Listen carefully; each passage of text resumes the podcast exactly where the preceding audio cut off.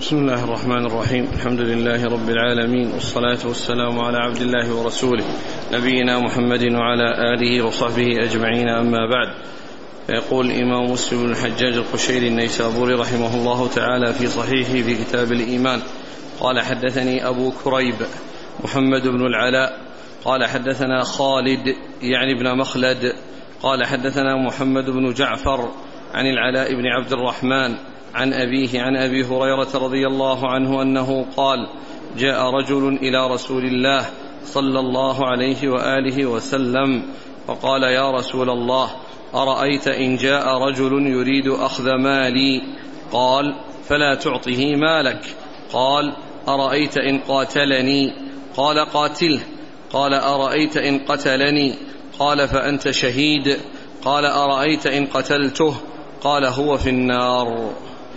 بسم الله الرحمن الرحيم الحمد لله رب العالمين وصلى الله وسلم وبارك على عبده ورسوله نبينا محمد وعلى آله وأصحابه أجمعين. أما بعد فهذا هذا الحديث وغيره من الأحاديث في هذا في هذا في هذا الموضع الذي ذكره مسلم رحمه الله في صحيحه يتعلق بمن اعتدي اعتدي عليه في ماله وأن له أن يدافع عن نفسه و وأنه إن قتل دون ماله فهو شهيد ومن قتله فإن فإنه متوعد بالوعيد بالوعيد الشديد. ذكر هذا الحديث عن أبي هريرة رضي الله عنه أن رجلا جاء إلى النبي صلى الله عليه وسلم قال أرأيت إن جاء رجل يريد أخذ مالي؟ فقال فلا تعطه. وقوله فلا تعطه يعني ليس معنى ذلك أنه حرام عليه أنه يعطيه وإنما المقصود ذلك أنه لا يلزمه أن يعطيه لا يلزمه أن يعطيه. وأما إذا أعطاه ودفع شره بأن يتخلص منه بإعطائه شيء من المال حتى يسلم على نفسه فإن ذلك سائغ له ولكنه ليس بلازم. لكن إذا إذا قاتله على ماله فإن له أن يقاتله وأن يرد يعني ما أراده منه من كونه يقتله من أجل أن يأخذ ماله. قال فقال فلا تعطه قال فإن قاتلني فقال فإن فإن قتل قال أنت فأنت شهيد وإن قال أرأيت إن أرأيت إن قتلني فأنا فأنت شهيد؟ وأما القاتل فإنه يكون في النار. وقد سبق أن مر أن القتل كون صاحبه في النار. لا يعني ذلك أنه يكون خالدا مخلدا فيها وأنه كافر إلا إذا كان مستحلا لذلك. وأما إذا كان غير مستحل وقد سبق أن مر بنا أن هذا من كبائر الذنوب. التي آآ آآ يكون صاحبها لا يدخل النار مع أول من يدخلها وأمره إلى الله عز وجل إن شاء عفى عنه وأدخله الجنة من أول وهلة وإن شاء عذبه وعاقبه ولكنه لا يخلده في النار. فيكون أنه حرم عليه حرمت عليه الجنة لكونه ما دخلها مع مع أول من دخلها. يعني أن المدة التي كان في النار يعذب فيها على جرمه إذا شاء الله تعذيبه أن الذين سبقوا إلى الجنة هم فيها وهو باق في النار. فيكون معنى ذلك أنه لا يدخلها مع أول من دخلها. مع أول من دخلها. أعد الحديث. قال عن أبي هريرة رضي الله عنه قال جاء رجل إلى رسول الله صلى الله عليه وسلم فقال يا رسول الله أرأيت إن جاء رجل يريد أخذ مالي؟ قال فلا تعطه. قال فلا تعطه مالك. قال أرأيت إن قاتلني؟ قال قاتله قال أرأيت إن قتلني؟ قال فأنت شهيد. قال أرأيت إن قتلته؟ قال هو في النار. لكن إذا كان الإنسان الذي اعتدي عليه يعني فيه مجال لأن يدفعه بغير القتل وأن يمنعه بغير القتل فيفعل ذلك.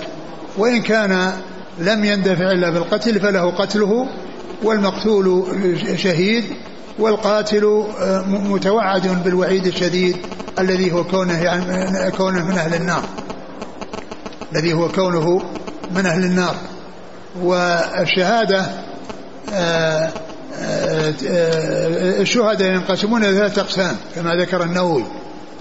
القسم الأول شهيد المعركة الذي يجاهد في سبيل الله. فإن هذا له أحكام تخصه وهو أنه آه، لا يغسل ولا يصلى عليه بل يدفن في ثيابه ولا يكفن وإنما يدفن في ثيابه حتى تكون علامة عليه يوم القيامة. يعني هذا الدم الذي حصل له في سبيل الله والجرح الذي حصل له في سبيل الله والقتل الذي حصل في سبيل الله يأتي يوم القيامة اللون الدم والريح ريح المسك. ف ف يعامل الشهداء في المعركة في سبيل الله هذه المعاملة وهي أنهم لا يغسلون بل يدفنون في ثيابهم.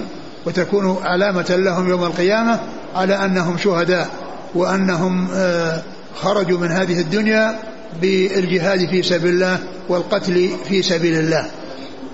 وأما بالنسبة للآخرة فأجرهم عظيم عند الله عز وجل. أجرهم عظيم عند الله عز وجل فلهم معاملة تخصهم في الدنيا وأجرهم عظيم في الآخرة. وأما من وصف بأنه شهيد كما جاء في هذا الحديث الذي قتل دون ماله والذي قتل في مات في هدم أو غرق أو غير ذلك مما ورد فيه أحاديث فإن هذا آه، حكمه في الدنيا ليس حكم حكم الشهداء بل يغسل ويكفن ويصلى عليه. بل يغسل ويصلى ويكفن عليه يكفن ويصلى عليه وإنما آه، آه، كونه شهيدا يعني له ثواب الشهداء في الآخرة. له يعني ثواب الشهداء وأجر الشهداء يعني في الآخرة. فهو يختلف عن شهيد المعركة بأن شهداء المعركة لا يغسلون ولا يصلى عليهم وهؤلاء يغسلون ويصلى عليهم والنووي رحمه الله ذكر في رياض الصالحين بابا قال باب ذكر جماعة من الشهداء في ثواب الآخرة ويغسلون ويصلى عليهم باب ذكر جماعة من الشهداء في ثواب الآخرة ويغسلون ويصلى عليهم. وذكر أحاديث جاءت في ذكر الشهادة لغير شهداء المعركة لغير شهداء المعركة. فإذا القسم الثاني من من أنواع الشهداء الثلاثة الذين آه، آه، وصفوا بأنهم شهداء فهم شهداء في الأجر ولكنهم ليسوا شهداء بالنسبة لما يعاملون به في الدنيا فإنهم يغسلون ويصلى عليهم بخلاف الصنف الأول اللي هم شهداء المعركة فإنهم لا يغسلون ولا يصلى عليهم والقسم الثالث من جاء نفي الشهادة عنه لكونه حصل منه ذنب أو حصل منه غلول فإنه هذا لا, لا يوصف بأنه شهيد ولكنه يعامل معاملة الشهداء.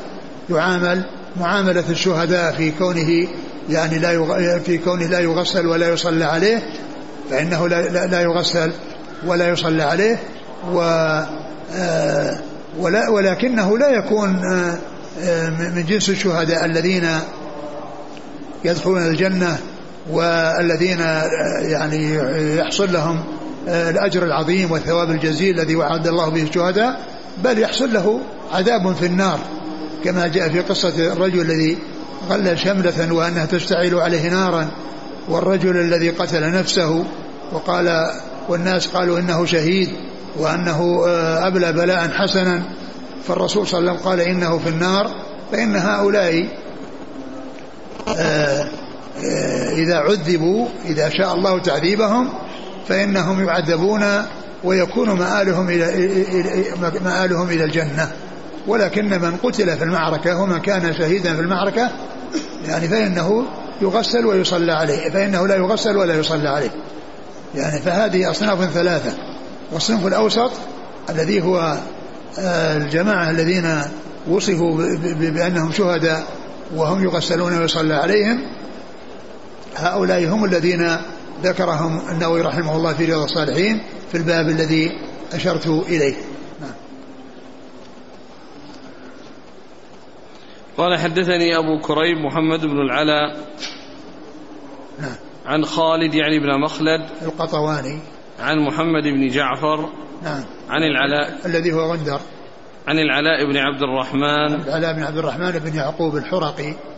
عن, عن أبيه. نعم عن أبي هريرة. قال حدثني الحسن بن علي الحلواني وإسحاق بن منصور ومحمد بن رافع وألفاظهم متقاربة.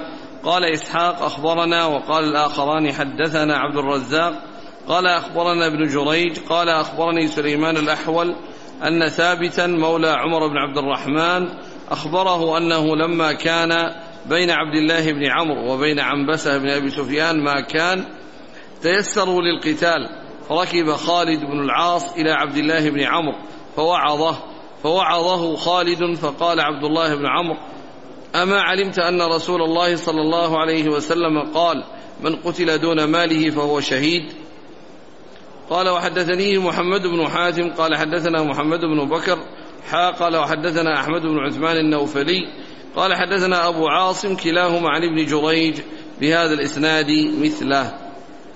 ثم ذكر هذا الحديث عن عبد الله بن عمرو بن العاص رضي الله تعالى عنهما أن النبي صلى الله عليه وسلم قال من قتل دون ماله فهو شهيد. وأورده المصنف هنا من أجل من أجل آه، آه، ما جاء في الحديث السابق أن من قتل دون ماله فهو شهيد ووصف من كان كذلك بأنه شهيد وأنه من الشهداء. وهذا الذي آه، ذكره هنا قال إنه جرى بين عبد الله بن عمرو وبين عنبسة بن أبي سفيان يعني كان يعني كان ما كان وأنهم تهيأوا آه، آه، للقتال واستعدوا للقتال فذهب خالد خالد خالد بن العاص. نعم. خالد بن العاص إلى عبد الله بن عمرو يعظه ويذكره بأن لا يحصل يعني منه شيء يتعلق في هذا الموضوع. فأخبر فقال له أما علمت أن الرسول قال من قتل دون ماله فهو شهيد؟ وكأنه آه، عبد الله بن عمرو كأنه معتد عليه وأنه يريد أن يدافع عن ماله وأن من من من وأنه يقاتل دون ماله وأنه وأنه إن قتل فإنه شهيد. ولا أدري يعني هذا الشيء الذي حصل بينهم ولكنه يعني يفهم منه أن أن أنهم آه، أنه شيء حول حول المال وأن عبد الله بن عمرو أنه معتد عليه وأنه يدافع عن ماله وأنه إن قتل فإنه يكون شهيدا نعم قال حدثني الحسن بن علي الحلواني نعم. وإسحاق بن منصور ومحمد بن رافع وألفاظهم متقاربة. قال إسحاق أخبرنا وقال الآخران حدثنا عبد الرزاق عن ابن جريج عبد الملك بن عبد العزيز بن جريج. عن سليمان الأحول نعم. عن ثابت مولى عمر بن عبد الرحمن نعم. عن, عبد الله بن عمرو. نعم. قال وحدثنيه محمد بن حاتم عن محمد بن بكر. قال وحدثنا أحمد بن عثمان النوفلي عن أبي عاصم أبو عاصم الضحاك بن مخلد النبيل. نعم. كلاهما عن ابن جريج بهذا الإسناد مثله. نعم. يقول أحسن الله إليك له أن يقاتله وإن كان مسلما لكن هل الأفضل أن يقال أن يفعل كما فعل ابن آدم بأخيه؟ الله لا شك لا شك أنه إذا إذا يعني أراد أن يتخلص يعني من أذى غيره بأن يعطيه يعني شيء ماله ويتنازل عن ماله لا شك أن, أن, أن هذا يعني سائغ. ولهذا قال في الحديث الأول فلا تعطه يعني لا يلزمك إعطاه لكن إن أعطاه وتخلص منه من أذاه بشيء من المال حتى لا يعرض نفسه أو غيره للقتل فإن ذلك سائغ. لكن هل يقال أن هذا يعني هو الأولى؟ ولا شك أن أن الإبقاء على حياته وعلى حياة غيره. لا شك أن هذا هو الذي ينبغي. إذا كان يعني لا يندفع إلا إذا كان يندفع الأمر بغير القتل لا شك أن هذا هو الأولى. إذا كان يندفع بغير القتل فلا شك أن هذا أولى. يقول هل يدخل في هذا الحديث رجل يطلب رجلا دينا ولم يعطه دينه فهل له أن يأخذ المال بالقوة؟ لا لا يأخذه بالقوة. وإنما يأخذه عن طريق الولاية وعن طريق القضاء. ولكن هناك مسألة قالها مسألة الظفر وهي أنه إذا وقع في حوزته شيء يعني لغريمه أو للشيء الذي عنده له مال فيعني له أن قال بعض أهل العلم له أن يبقيه وأن يأخذ حقه من هذا الذي وقع في يده لغيره. نعم. وأما يعني بالقوة وكونه يعني يلحق به ضررا لا لا يفعل وإنما يرفعه إلى القضاء. نعم قال حدثنا شيبان بن فروخ قال حدثنا أبو الأشهب عن الحسن قال عاد عبيد الله بن زياد معقل بن يسار المزني في مرضه الذي مات فيه. قال معقل إني محدثك حديثا سمعته من رسول الله صلى الله عليه وسلم لو علمت أن لي حياة ما حدثتك؟ إني سمعت رسول الله صلى الله عليه وسلم يقول ما من عبد يسترعيه الله رعية يموت يوم يموت وهو غاش لرعيته إلا حرم الله عليه الجنة. ثم ذكر هذا الحديث أو هذه الأحاديث المتعلقة بغش الراعي لرعيته وأنه آه، يعني آه، وأن هذا معصية وأنه كبيرة وأنه آه، عقوبته أن, أن, أن أنه لا يدخله الجنة أنه لا يدخل الجنة يعني وأنه يكون من أهل النار. وهذا كما هو معلوم كغيره مما تقدم مما جاء من أن هذا أمره إلى الله عز وجل.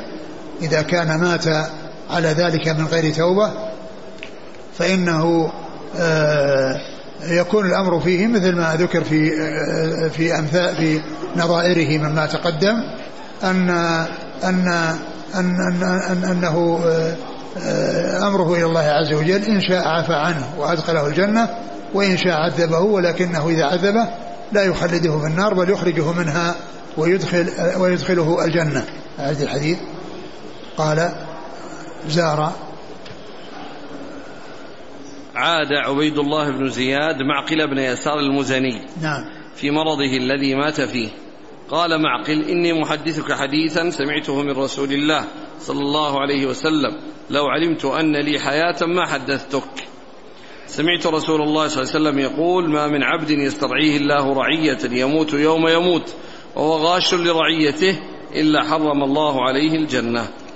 والغش للرعية كما هو معلوم عدم القيام بما يجب عليه للرعية. عدم القيام بما يجب عليه للرعية.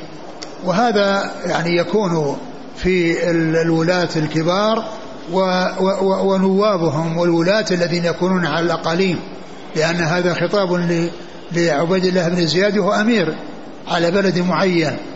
فإن إن هذا الوعيد يكون لمن غش في ولايته سواء كان في منصب كبير أو في منصب صغير كل هؤلاء يقال لهم رعاة ومن حصل منهم منه منهم غش لرعيته فإنه يعاقب بهذه العقوبة التي جاءت في هذا الحديث عن رسول الله صلى الله عليه وسلم وهو أنه لا يدخل يعني أنه أنه يعني من أهل النار وأنه يكون في النار وهذا كما عرفنا أمره إلى الله عز وجل وهو تحت مشيئته كغيره مما تقدم من من نظائره الكثيرة التي التي مرت في الأحاديث المتقدمة.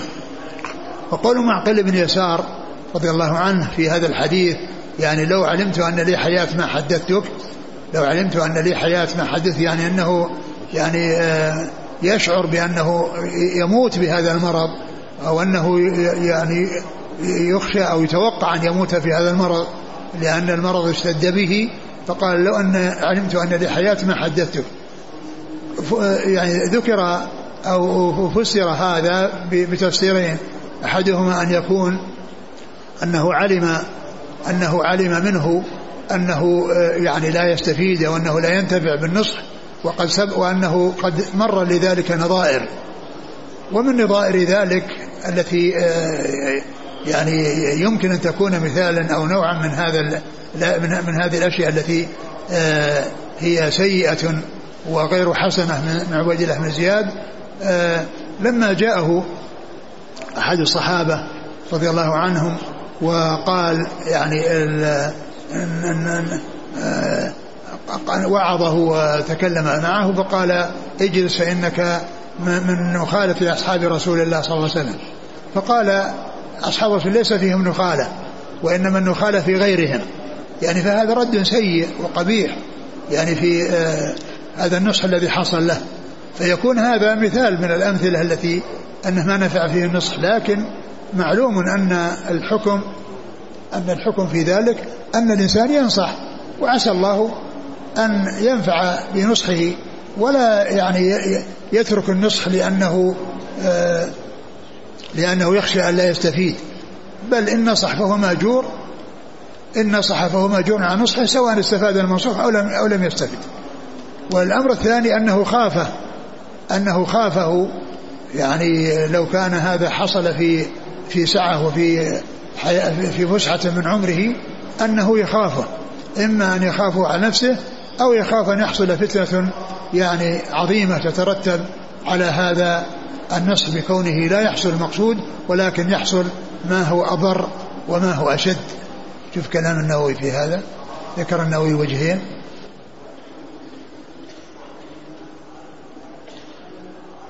قال القاضي عياض رحمه الله إنما فعل هذا لأنه علم قبل هذا أنه ممن لا ينفعه الوعظ كما ظهر منه مع غيره.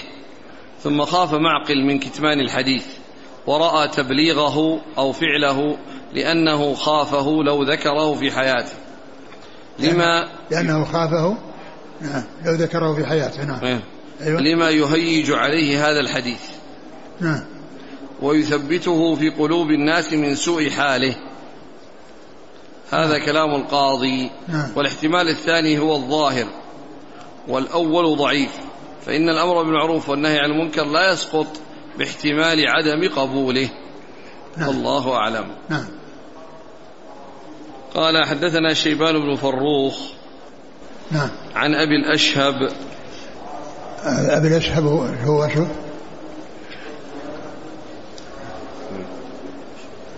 أبو الأشهب العطاردي جعفر بن حيان. جعفر بن حيان؟ نعم. نعم. عن الحسن. ابن أبي الحسن البصري. عن معقل بن يسار المزني. رضي الله عنه.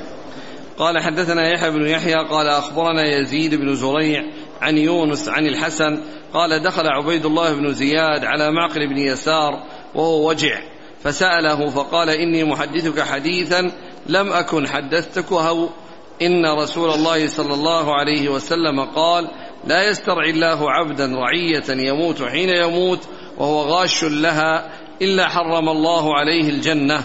قال ألا كنت حدثتني هذا قبل اليوم؟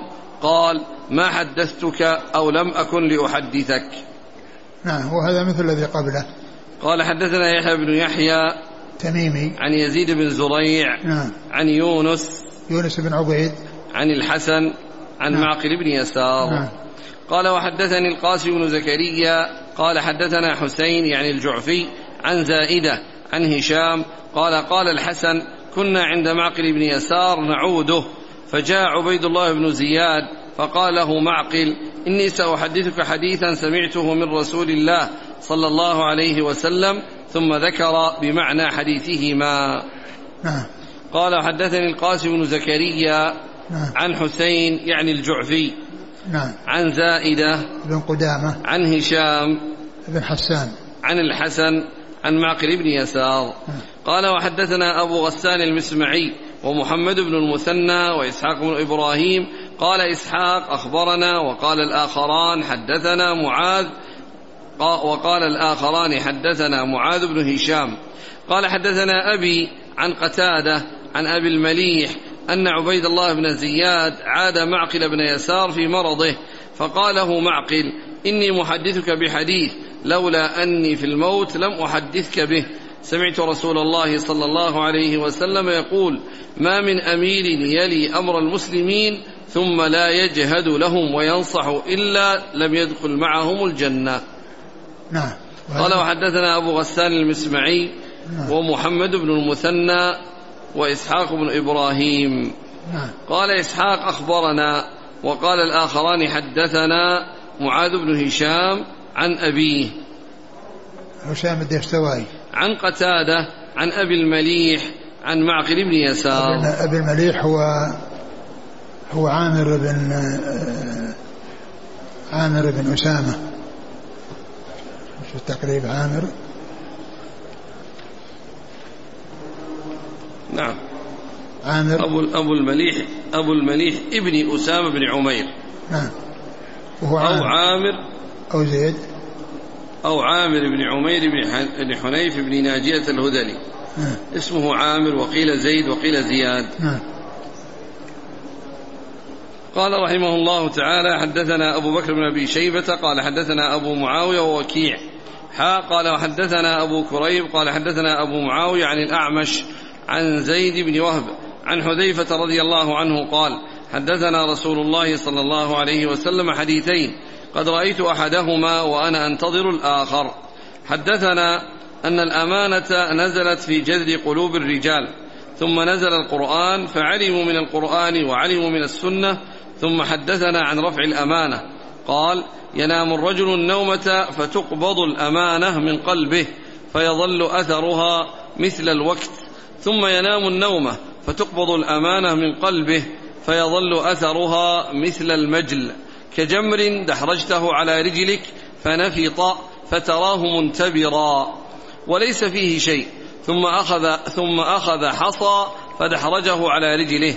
فيصبح الناس يتبايعون. لا يكاد أحد يؤدي الأمانة حتى يقال إن في بني فلان رجلا أمينا.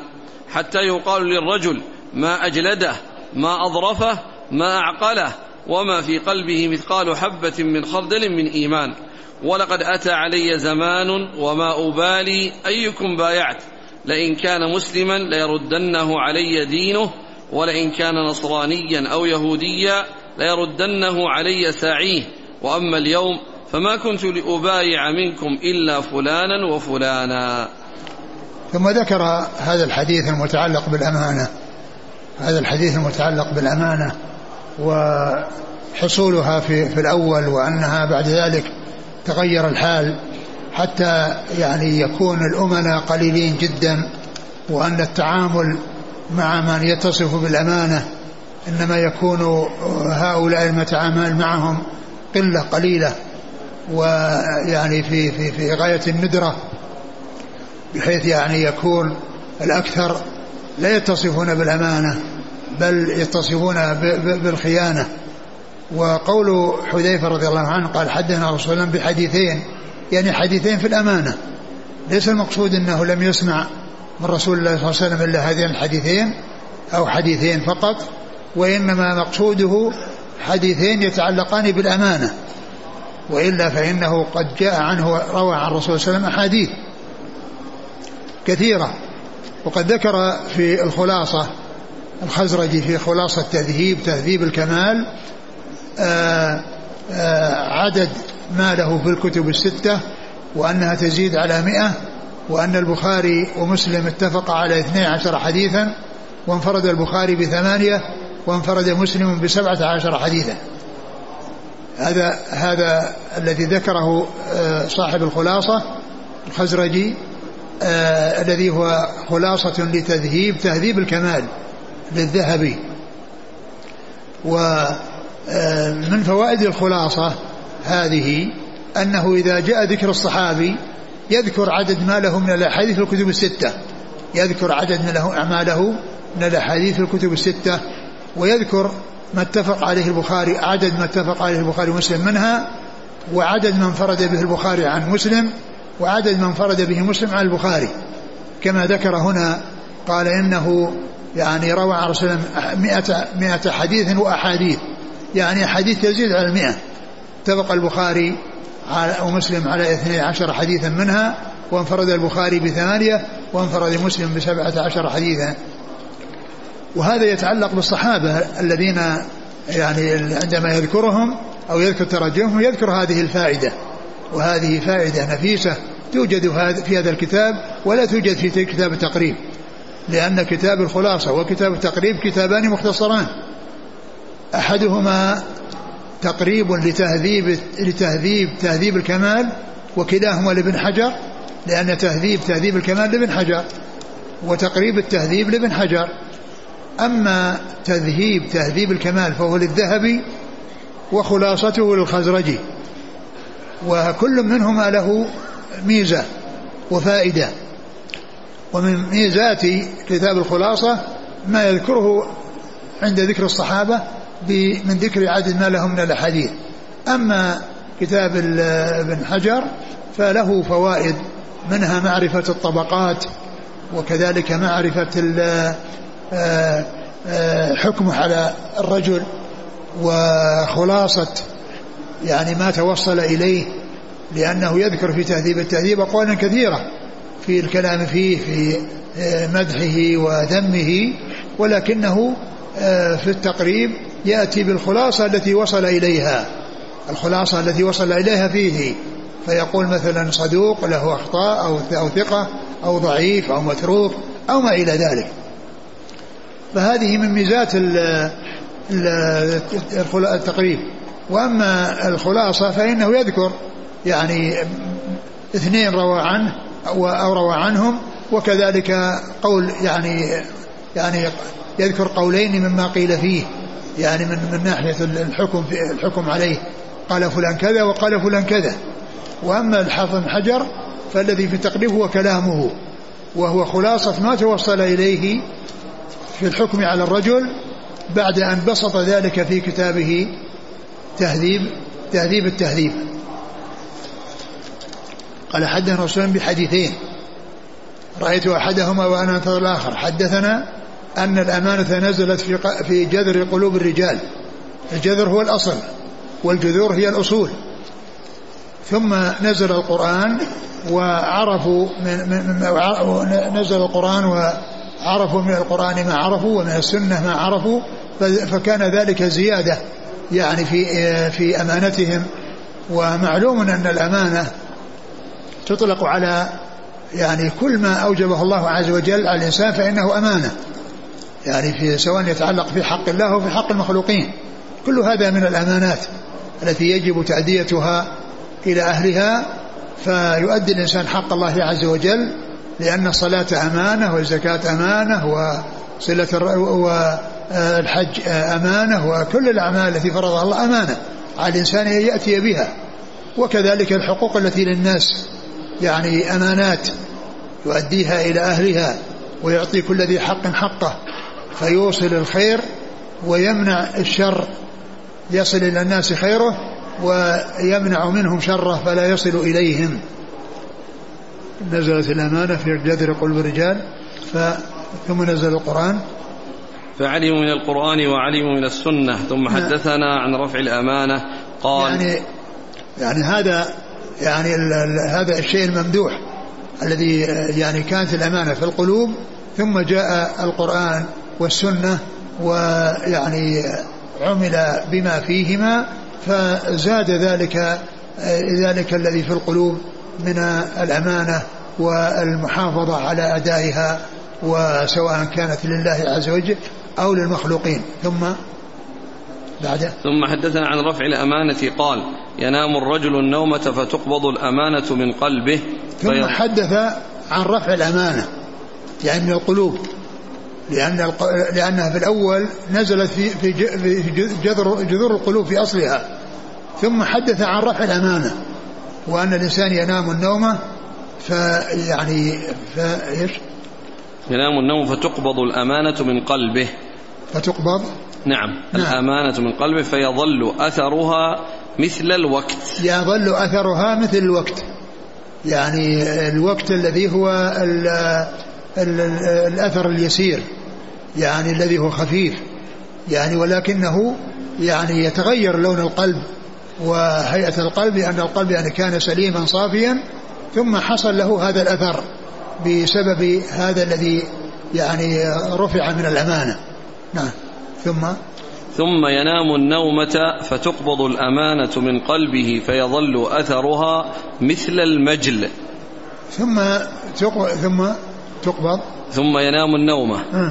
فتقبض الأمانة من قلبه إيه. فيظل أثرها يعني مثل يكون أشد من الأول لأن الأول مثل الوقت الذي هو أثر يسير وأما هذا مثل المجل الذي يعني يكون يعني أثرا بين وأثرا واضح وهو الذي يعني يكون مثلا في اليد عندما يعني يكون الإنسان كثير العمل وكثير التعب والنصب فإنه يعني يكون في يديه يعني نتوء بسبب آه، آه، كثرة العمل الذي يعمل بها. يعني نتوء يعني وقسوة قسوة وشدة. يعني ما يذهب اللين الذي فيها. فيكون مثل مجل ولهذا قال مجلت يداه يعني أنها انتفخت وحصل لها تورم يعني بسبب العمل مثل الذي يعمل بفاس أو بحديد أو ما إلى ذلك أو يعني آلات الحرث فإن يعني يده يكون تذهب النعومة اللي فيها ويصير فيها تورم مع القسوة والشدة. وقد يكون فيه ماء يعني أحيانا يعني يكون هناك التورم يكون فيه ماء يعني في جوف أو في ذلك التورم الذي يحصل في اليدين فيكون كالمجل. نعم كجمر دحرجته على رجلك فنفط فتراه منتبرا. كجمر جمر يعني جمر من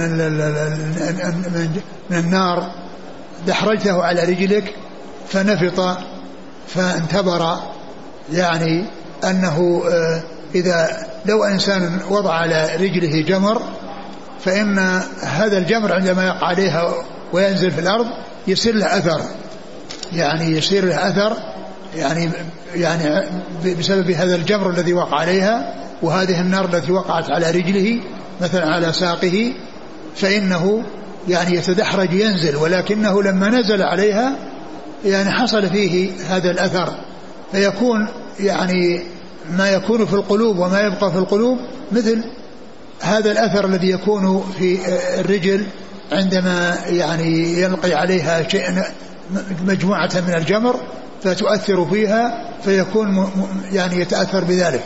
قال كجمر دحرجته على رجلك. فنفط. فنفط. فتراه منتبرا. فنفط. يعني مثلا معناه أن تغير وضع الرجل وحصل تورم فيها فتراه منتبرا يعني هذا أثر الجمر الذي وقع على رجله منتبرا يعني بارز مثل ما يقال المنبر المنبر منبر لأنه يبرز لأنه بارز فهذا منتبر يعني بارز يعني من رجله بسبب وهكذا يكون أثر القلب أو أثر القلب عندما ترفع الأمانة يعني من من القلوب يصير فيها يعني هذا هذا الأثر يكون في الأول أثرا بسيط ثم بعد ذلك يشتد حتى يكون أثرا شديدا. أول مثل الوقت والثاني مثل المجل. نعم. فتراه منتبرا وليس فيه شيء. منتبرا وليس فيه شيء. يعني يعني يعني بارز ولكن ليس فيه يعني شيء مثل كذلك القلب. يعني ليس فيه شيء. يعني حتى أن الإنسان آه، يكون آه، يعني ليس في قلبه من الإيمان حبة خردل لأنه يخلو من من الأمانة ومن علوم من الأمانة تكون في حقوق الله سواء كانت في في العقائد أو في العبادات أو المعاملات بين الناس كل هذا يدخل تحت الأمانة. نعم. قال ثم أخذ حصى فدحرجه على رجله. هذا مثال يعني أراد أن يمثل يعني بالدحرجة لتكون من الجمر ويحصل فيه أثر دحرجه على رجله أنه يكون بهذه الطريقة. بهذه الطريقة التي هي كما أن الحصى الذي يوضع على الرجل يتدحرج فذاك الجمر الذي وضع يتدحرج ولكن يبقى له أثر. فكذلك أثر, أثر القلوب بالمعاصي وعدم القيام بما يعني يجب على الإنسان يكون له أثر بين وأثر واضح الذي هو آه هذا هذا الذي يصيب القلب من الشدة التي تكون كالمجلي الذي يكون في اليدين ويكون في الرجلين.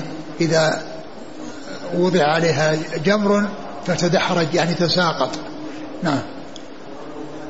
فيصبح الناس يتبايعون لا يكاد أحد يؤدي الأمانة. فيصبح الناس يتبايعون يعني في البيع والشراء. لا يكاد أحد يؤدي الأمانة. يفتنون في الدنيا ويحرصون عليها ويحرصون على تحصيل المال بأي طريقة. يعني المهم أن يصل المال إلى الإنسان. كما يقولون الحلال ما حل باليد. الحلال ما حل باليد والحرام ما لم يصل إلى اليد. هذا هو الحلال والحرام عند هؤلاء الذين ليس عندهم أمانة. ليس الذين ليس عندهم أمانة الحلال عندهم ما حل في اليد. المهم أنه يصل اليد. والحرام اللي ما وصل لليد. والحلال هو ما حله الله ورسوله والحرام ما حرمه. هذا هو الحرام الحلال الحرام. لكن عند عند هؤلاء الذين لا أمانة لهم يعني آه، ينهمكون في الدنيا ويحرصون على تحصيلها من أي طريقة؟ ولو كانت طريقة محرمة. نعم.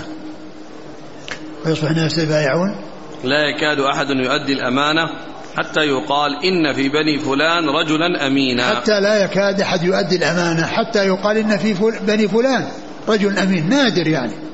يعني معناه أن في غاية الندرة جماعة وقبيلة. يعني يشار إليهم بأن فيهم رجل أمين. يعني معناه قلة من آه يعني يقومون بالأمانة ومن يؤدون الأمانات. نعم. وحتى حتى يقال إن في بني فلان رجلا أمينا. حتى يقال للرجل ما أجلده ما أظرفه ما أعقله. وما في قلبه مثقال حبة من خردل من إيمان. يعني يقال للرجل ما أجلده ما أظرفه ما أحسنه وليس في قلبه مثقال حبة من إيمان. يعني معناه أن أن أن الأمانة أو التي في القلوب خرجت سواء كانت تتعلق بالله عز وجل أو تتعلق بغيره. نعم. قال ولقد أتى علي زمان وما أبالي أيكم بايعت. لئن كان مسلما ليردنه علي دينه ولئن كان نصرانيا أو يهوديا ليردنه علي ساعيه. وأما اليوم نعم. وأما اليوم فما كنت لأبايع منكم إلا فلانا وفلانا. قال وقد أتى علي زمان ما كنت أبالي يعني بأن يبايع من يبايع يعني يبايع لأن الأمانة كثيرة. والحريصون على الأمانة كثيرين فهو يبايعهم وحقه يصل إليه. يعني إن كان يعني أمينا أو, أو صاحب دين يعني يحمله دينه على ذلك وإن كان ذميا يحمله على ساعيه يعني الوالي الوالي الذي ينصفه ويوصل إليه حقه لأن الذمي الذي يعني هو كافر يعني لا يبالي قد لا يبالي في في في أداء الحق إلى أهله لكن الساعي الذي هو الوالي الذي يتولى يعني أمر المسلمين هو الذي يقوم بإلزامه حتى يصل إليه حقه. ثم بعد ذلك تغيرت الحال حتى كان لا يبايع إلا فلانا وفلانا يعني قلة قليلة يعني يوصفون بالأمانة بعدما كانوا آه الكل يوصف بالأمانة. الكل يوصف بالأمانة ومن لم يوصف بالأمانة كالذمي فإنه آه، الساعي والوالي يعطي الحق لصاحبه ويأخذ الحق من الذمي ويلزمه بأن يسلم الحق لصاحبه. أما أهل الدين وأهل الاستقامة والمسلمون الذين هم آه، متصفون بالأمانة فهؤلاء يؤدون الحقوق إلى أهلها من غير إلزام. نعم. قال حدثنا أبو بكر بن أبي شيبة عن أبي معاوية ووكيع حا قال وحدث أبو معاوية محمد بن خازم وكيع بن الجراح. قال حا وحدثنا أبو كريب محمد بن العلاء. عن أبي معاوية عن الأعمش نعم سليمان المهران عن زيد بن وهب عن حذيفة. نعم. قال حدثنا حديثين قد رأيت أحدهما وأنا أنتظر الآخر. ماذا يقصد؟ نعم. يعني هو يعني هنا يعني ذكر يعني الشيء الذي قد حصل وأن لما نزل في قلوب الرجال لكن هذا الذي اللي هو الآخر الذي ذكر الحديثين يعني أن أنه يعني حصل حتى وجد في زمانه. يعني وجد في زمانه يعني يعني هذا الشيء الذي هو رفع الأمانة وقلة المؤتمنين وهذا يحمل على أنه ليس في المدينة وإنما هذا في المدائن لما كان أميرا على المدائن. يعني فيكون يعني هذه الوصف وهذه الحال آه إنما وجدت هناك. وأما بالنسبة لمدينة الرسول صلى الله عليه وسلم ووجود الصحابة فيها فلا يقال إن إنها تكون بهذه المثابة بحيث أنه لا يبايع فيها إلا الرجل والرجلان أن النادر من الرجال فإن المدينة فيها الصحابة وبقي فيها من بقي من الصحابة وكذلك التابعون الذين هم على نهج الصحابة ولكن قيل إن هذا بالنسبة للمدائن التي كان أميرا لها. ولا أدري لأن هذا الذي هو قال أنتظر الآخر هو يحدث بحصوله وأنه قد حصل رفع الأمانة وقلة الأمانة. وقلة الأمانة. لكن جاء في بعض الأحاديث يعني ما يتعلق بالفتن وهذا شيء ينتظر يعني وفي الوقت الذي حدث به غير موجود. وأما في هذا الحديث فالذي يظهر أنه قد حصل له أو رأى هذا وهذا إلا أن يكون المقصود يعني شيء آخر لا أدري. نعم. قال وحدثنا ابن نمير قال حدثنا أبي ووكيع. حا قال وحدثنا إسحاق بن إبراهيم قال حدثنا عيسى بن يونس جميعا عن الأعمش بهذا الإسناد مثله. قال حدثنا ابن نمير محمد بن عبد الله بن نمير. عن أبيه نعم. ووكيع. نعم. حا قال وحدثنا إسحاق بن إبراهيم عن عيسى بن يونس جميعا عن الأعمش. نعم.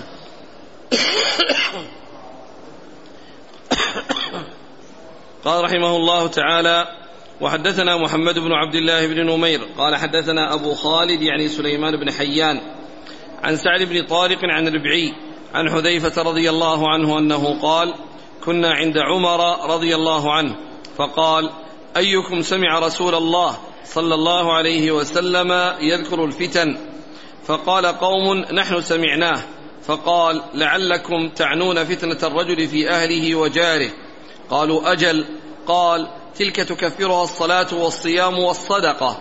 ولكن أيكم سمع النبي صلى الله عليه وآله وسلم يذكر التي تموج موج البحر. قال حذيفة فأسكت القوم فقلت أنا. قال أنت لله أبوك. قال حذيفة رضي الله عنه سمعت رسول الله صلى الله عليه وسلم يقول تعرض الفتن على القلوب كالحصير عودا عودا. فأي قلب أشربها نكت فيه نكتة سوداء وأي قلب أنكرها نكت فيه نكتة بيضاء. حتى تصير على قلبين على أبيض مثل الصفاه فلا تضره فتنة. ما دامت السماوات والأرض والآخر أسود مربادا كالكوز مجخيا. لا يعرف معروفا ولا ينكر منكرا. إلا ما أشرب من هواه. قال حذيفة وحدثني وحدثته أن بينك وبينها بابا مغلقا يوشك أن يكسر. قال عمر أكسرا لا أبا لك فلو, فلو أنه فتح لعله كاد يعاد. قلت لا بل يكسر. وحدثته أن ذلك الباب رجل يقتل أو يموت حديثا ليس بالأغاليط. قال أبو خالد فقلت لسعد يا أبا مالك ما أسود مرباد؟ قال شدة البياض في سواد. قال قلت فما الكوز مجخيا؟ قال منكوسا. ثم ذكر هذا الحديث عن حذيفة رضي الله عنه وكان في مجلس في عمر رضي الله عنه. فسأل الرسول فسأل عمر عن الفتن. قال إيش؟ سأل عمر. كنا عند عمر فقال أيكم سمع رسول الله صلى الله عليه وسلم يذكر الفتن؟ فقال قوم نحن سمعناه. فقال آه، لعلكم نعم آه، كان في مجلس فيه فيه حذيفة وغير حذيفة فقال أيكم يعني آه، أيكم أيكم سمع؟ أيكم سمع الرسول صلى الله عليه وسلم يذكر الفتن. أيكم سمع يذكر الفتن. فاستعدوا الجواب وقالوا إنهم قالوا إيش؟ قالوا اننا نعلم ذلك. أيكم سمع الرسول صلى الله عليه وسلم يذكر الفتن؟ فقال قوم نحن سمعناه. نحن سمعناه. بعد ذلك قال عمر لعلكم تعنون الفتن التي تكون بين الرجل وأهله وأولاده وجاره. فيعني فتلك تكفرها الأعمال الصالحة وتكفرها الصدقات. يعني ما يجري من من من خلاف ومن عدم قيام بواجب أو يعني تقصير في واجب. فإن هذه آه، تكفرها الأعمال الأعمال الصالحة. ولكنه لا يسأل عن هذه يسأل عن الفتن التي تموج كموج البحر يعني الشديدة التي فيها اضطراب الأمور وحصول عدم الأمن وعدم الاستقرار. هذه التي كان يسأل عنها عمر رضي الله عنه. وما كان يسأل عن هذه الفتن التي تكون بين الرجل وأهله وأولاده وجاره وإنما يسأل عن الفتن التي تموج كموج البحر. فسكت فسكت. الصحابة الذين كانوا عنده. فسكت القوم الذين كانوا عنده. فقال حذيفة إنه إنه إنه يعلم ذلك. فقال حذيفة أنا؟ فقلت أنا. قال أنت لله أبوك؟ قال أنا فقال, فقال حذيفة أنا يعني يعرف الفتن التي تموج كموج البحر. أنها تموج كموج البحر. قال أنت لله أبوك؟ يعني هذا ثناء عليه. يعني ثناء ثناء عليه وأن وكذلك يعني بذكر أبيه والثناء عليه وأنه قال لله أبوك يعني الذي الذي أنجبك وكنت من أولاده آآ آآ فإن هذا شيء يعني يمدح عليه. قال أنت لله أبوك؟ نعم. قال أنت لله أبوك؟ قال حذيفة سمعت رسول الله صلى الله عليه وسلم يقول تعرض الفتن على القلوب كالحصير عودا عودا. تعرض الفتن على القلوب كالحصير عودا عودا. يعني مثل ما يعني يصير العود يعني يضاف إليه عود ثم يعني معناه فتنة ثم تأتي فتنة ثم تأتي فتنة حتى تكثر الفتن وحتى تغطي القلب وحتى تؤثر فيه. كالحصير عودا عودا. فأي قلب أشربها نكت فيه نكتة سوداء. فأي قلب أشربها يعني يشرب هذه الفتن, هذه الفتن وقبلها ويعني آه، آه، قبلها وحبها وأرادها نكت في قلبه نكتة سوداء يعني بسبب هذه الفتن التي التي طرأت على عليه والتي مرت عليه كالعود كالعود بعد العود الذي يعرض على على القلب فيكون فيه نكتة سوداء يعني علامة على هذه الفتن التي وقعت في قلبه. هذه الفتن التي وقعت في قلبه فتكون هذه العلامة السيئة التي هي علامة سوداء. نعم. نعم. قال وأي قلب أنكرها نكت فيه نكتة بيضاء. وأي قلب أنكرها نكت فيه نكتة بيضاء. يعني فيكون هذا يعني أبيض يعني صافي وهذا يعني أسود متغير اللون عن هيئته التي كان عليها. نعم. حتى تصير على قلبين على أبيض مثل يعني الصفا حتى تصير القلوب على قلبين. يعني تنقسم إلى قسمين. يعني تبعا للنكتة البيضاء والنكتة السوداء. نعم. حتى يكون على, على أبيض مثل الصفاء فلا تضره فتنة. ما على دام أبيض مثل الصفاء الذي قال إذا أنكر الفتن نكت في قلبه نكتة بيضاء. فهذا هذا القلب يعني آه يعني آه لا تضره الفتن. قال هذا لا تضره. على أبيض مثل الصفا فلا تضره فتنة ما دامت السماوات أبيض والأرض. مثل الصفا أبيض مثل الصفا يعني الصفا التي هو أملس يعني ولا يعلق فيه شيء لا يعلق فيه شيء ويكون أبيض.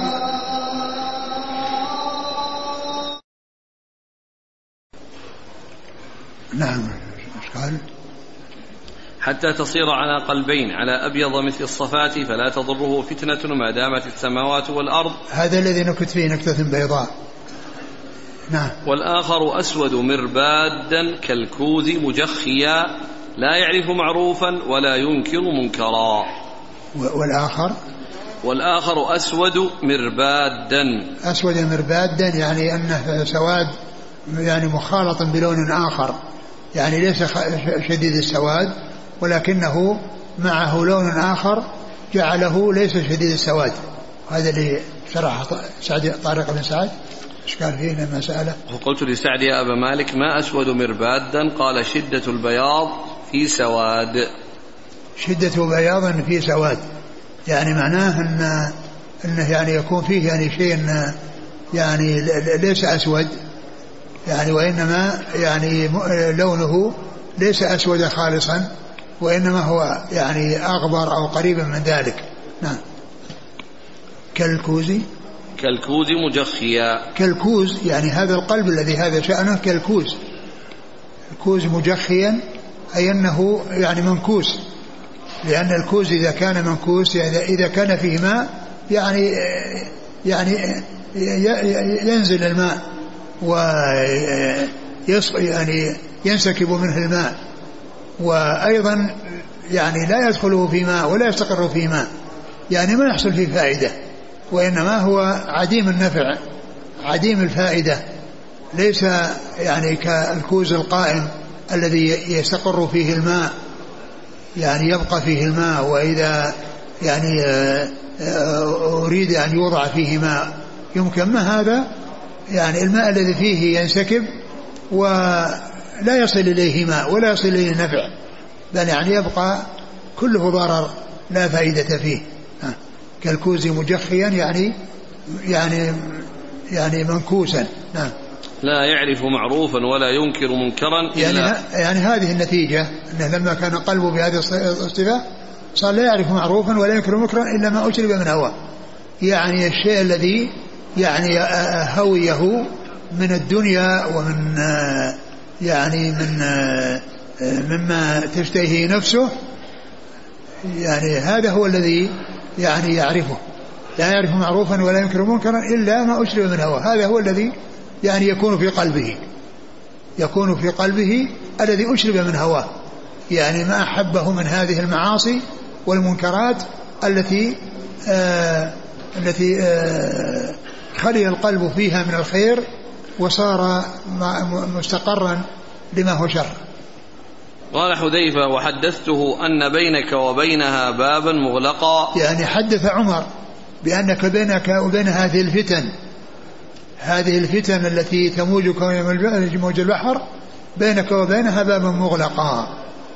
يعني معناه أن أن هذه تحصل بعد وفاة عمر وبعد قتل عمر وأنها لا تحصل في حياته. وهكذا وقع فإن الفتن بعد مقتل عمر رضي الله عنه وجدت وظهر الذين خرجوا على عثمان وأدى الأمر بهم إلى قتله وحصلت الفتن المتلاحقة والفتن الكثيرة. فيكون يعني ال ال هذا هو المقصود بالذم الذي الذي أخبر به الرسول صلى الله عليه وسلم. والتي تحصل بعد وفاة عمر. قال قال وحدثته أن بينك وبينها بابا مغلقا يعني يوشك أن, أن يكسر. يعني بينك وبينها بابا مغلقا يوشك أن يكسر. يعني الباب يكسر يعني لا, لا ينفتح. يعني لا يفتح وإنما يكسر. وهذا الكسر هو موته وقتله رضي الله عنه. كان قتل رضي الله عنه. قال عمر أكسرا لا أبا لك؟ فلو أنه فتح لعله كان يعاد. قلت نعم. لا. أكسرا لا أبا لك. يعني هنا قال لله أبوك وهنا قال لا أبا لك. يعني لا أبا لك يعني ينصرك ويؤيدك ويعينك. نعم. نعم. قال أكسرا لا أبا لك فلو أنه فتح لعله كاد كان يعاد. نعم. قلت لأنه لا. لأنه فتح يعني يمكن أن يعاد. لكن إذا كان كسر يعني ما في مجال للإعادة. قال وحدثته أن ذلك الباب رجل يقتل أو يموت. نعم وهو وهو عمر وعمر رضي الله عنه كان يعلم ذلك. نعم. حديثا ليس بالأغاليط. ولهذا عمر رضي الله عنه يعني لما كان يعني في في سفر قال اللهم إني أسألك شهادة في سبيلك وموتا في بلد رسولك صلى الله عليه وسلم. وقد جمع الله له ذلك فإنه حصل الشهادة في سبيل الله في كونه قتل وهو يصلي بالناس الفجر وحصل له الموت في بلد الرسول صلى الله عليه وسلم وأكرمه الله بالدفن بجوار رسول الله صلى الله عليه وسلم. قال أبو خالد فقلت لسعد يا أبا مالك ما أسود مربادا قال شدة البياض في سواد. نعم. قال قلت فما الكوز مجخيا؟ قال منكوسا. نعم. قال وحدثنا محمد بن عبد الله بن نمير عن أبي خالد يعني ولعل, ولعل الذي جاء في هذا الحديث من الأشياء التي يعني لم تقع هو الذي يطابق ما تقدم في كونه ينتظر الآخر. لأن هذا هو الذي ينتظر. نعم. قال حدثنا محمد بن عبد الله بن نمير عن أبي خالد يعني سليمان بن حيان عن سعد بن طارق عن ربعي عن حذيفة. بن حراش. قال وحدثني ابن أبي عمر قال حدثنا مروان الفزاري قال حدثنا أبو مالك الأشجعي عن ربعي قال لما قدم حذيفة من عند عمر رضي الله عنه جلس فحدثنا فقال إن أمير المؤمنين أمس لما جلست إليه سأل أصحابه أيكم يحفظ قول رسول الله صلى الله عليه وسلم في الفتن؟ وساق الحديث بمثل حديث أبي خالد ولم يذكر تفسير أبي مالك لقوله مربادا مجخيا. ثم ذكر الحديث وفيه أنه حدث به في مكان آخر. بعدما حدث به عمر والذين معه حدث به جماعة آخرين بعد ذلك. نعم. قال حدثني ابن أبي عمر عن مروان الفزاري. هو مروان بن معاوية الفزاري. نعم. عن أبي مالك الأشجعي سعد نعم. بن طارق. نعم. عن ربعي عن حذيفة. نعم. قال وحدثني محمد بن المثنى وعمرو بن علي وعقبة بن مكرم العمي. قالوا حدثنا محمد بن أبي عدي عن سليمان التيمي عن نعيم بن أبي هند عن ربعي بن حراش عن حذيفة رضي الله عنه أن عمر رضي الله عنه قال من يحدثنا أو قال أيكم يحدثنا؟ وفيهم حذيفة ما قال رسول الله صلى الله عليه وسلم في الفتنة؟ قال حذيفة أنا. وساق الحديث كنحو حديث أبي مالك عن ربعي وقال في الحديث قال حذيفة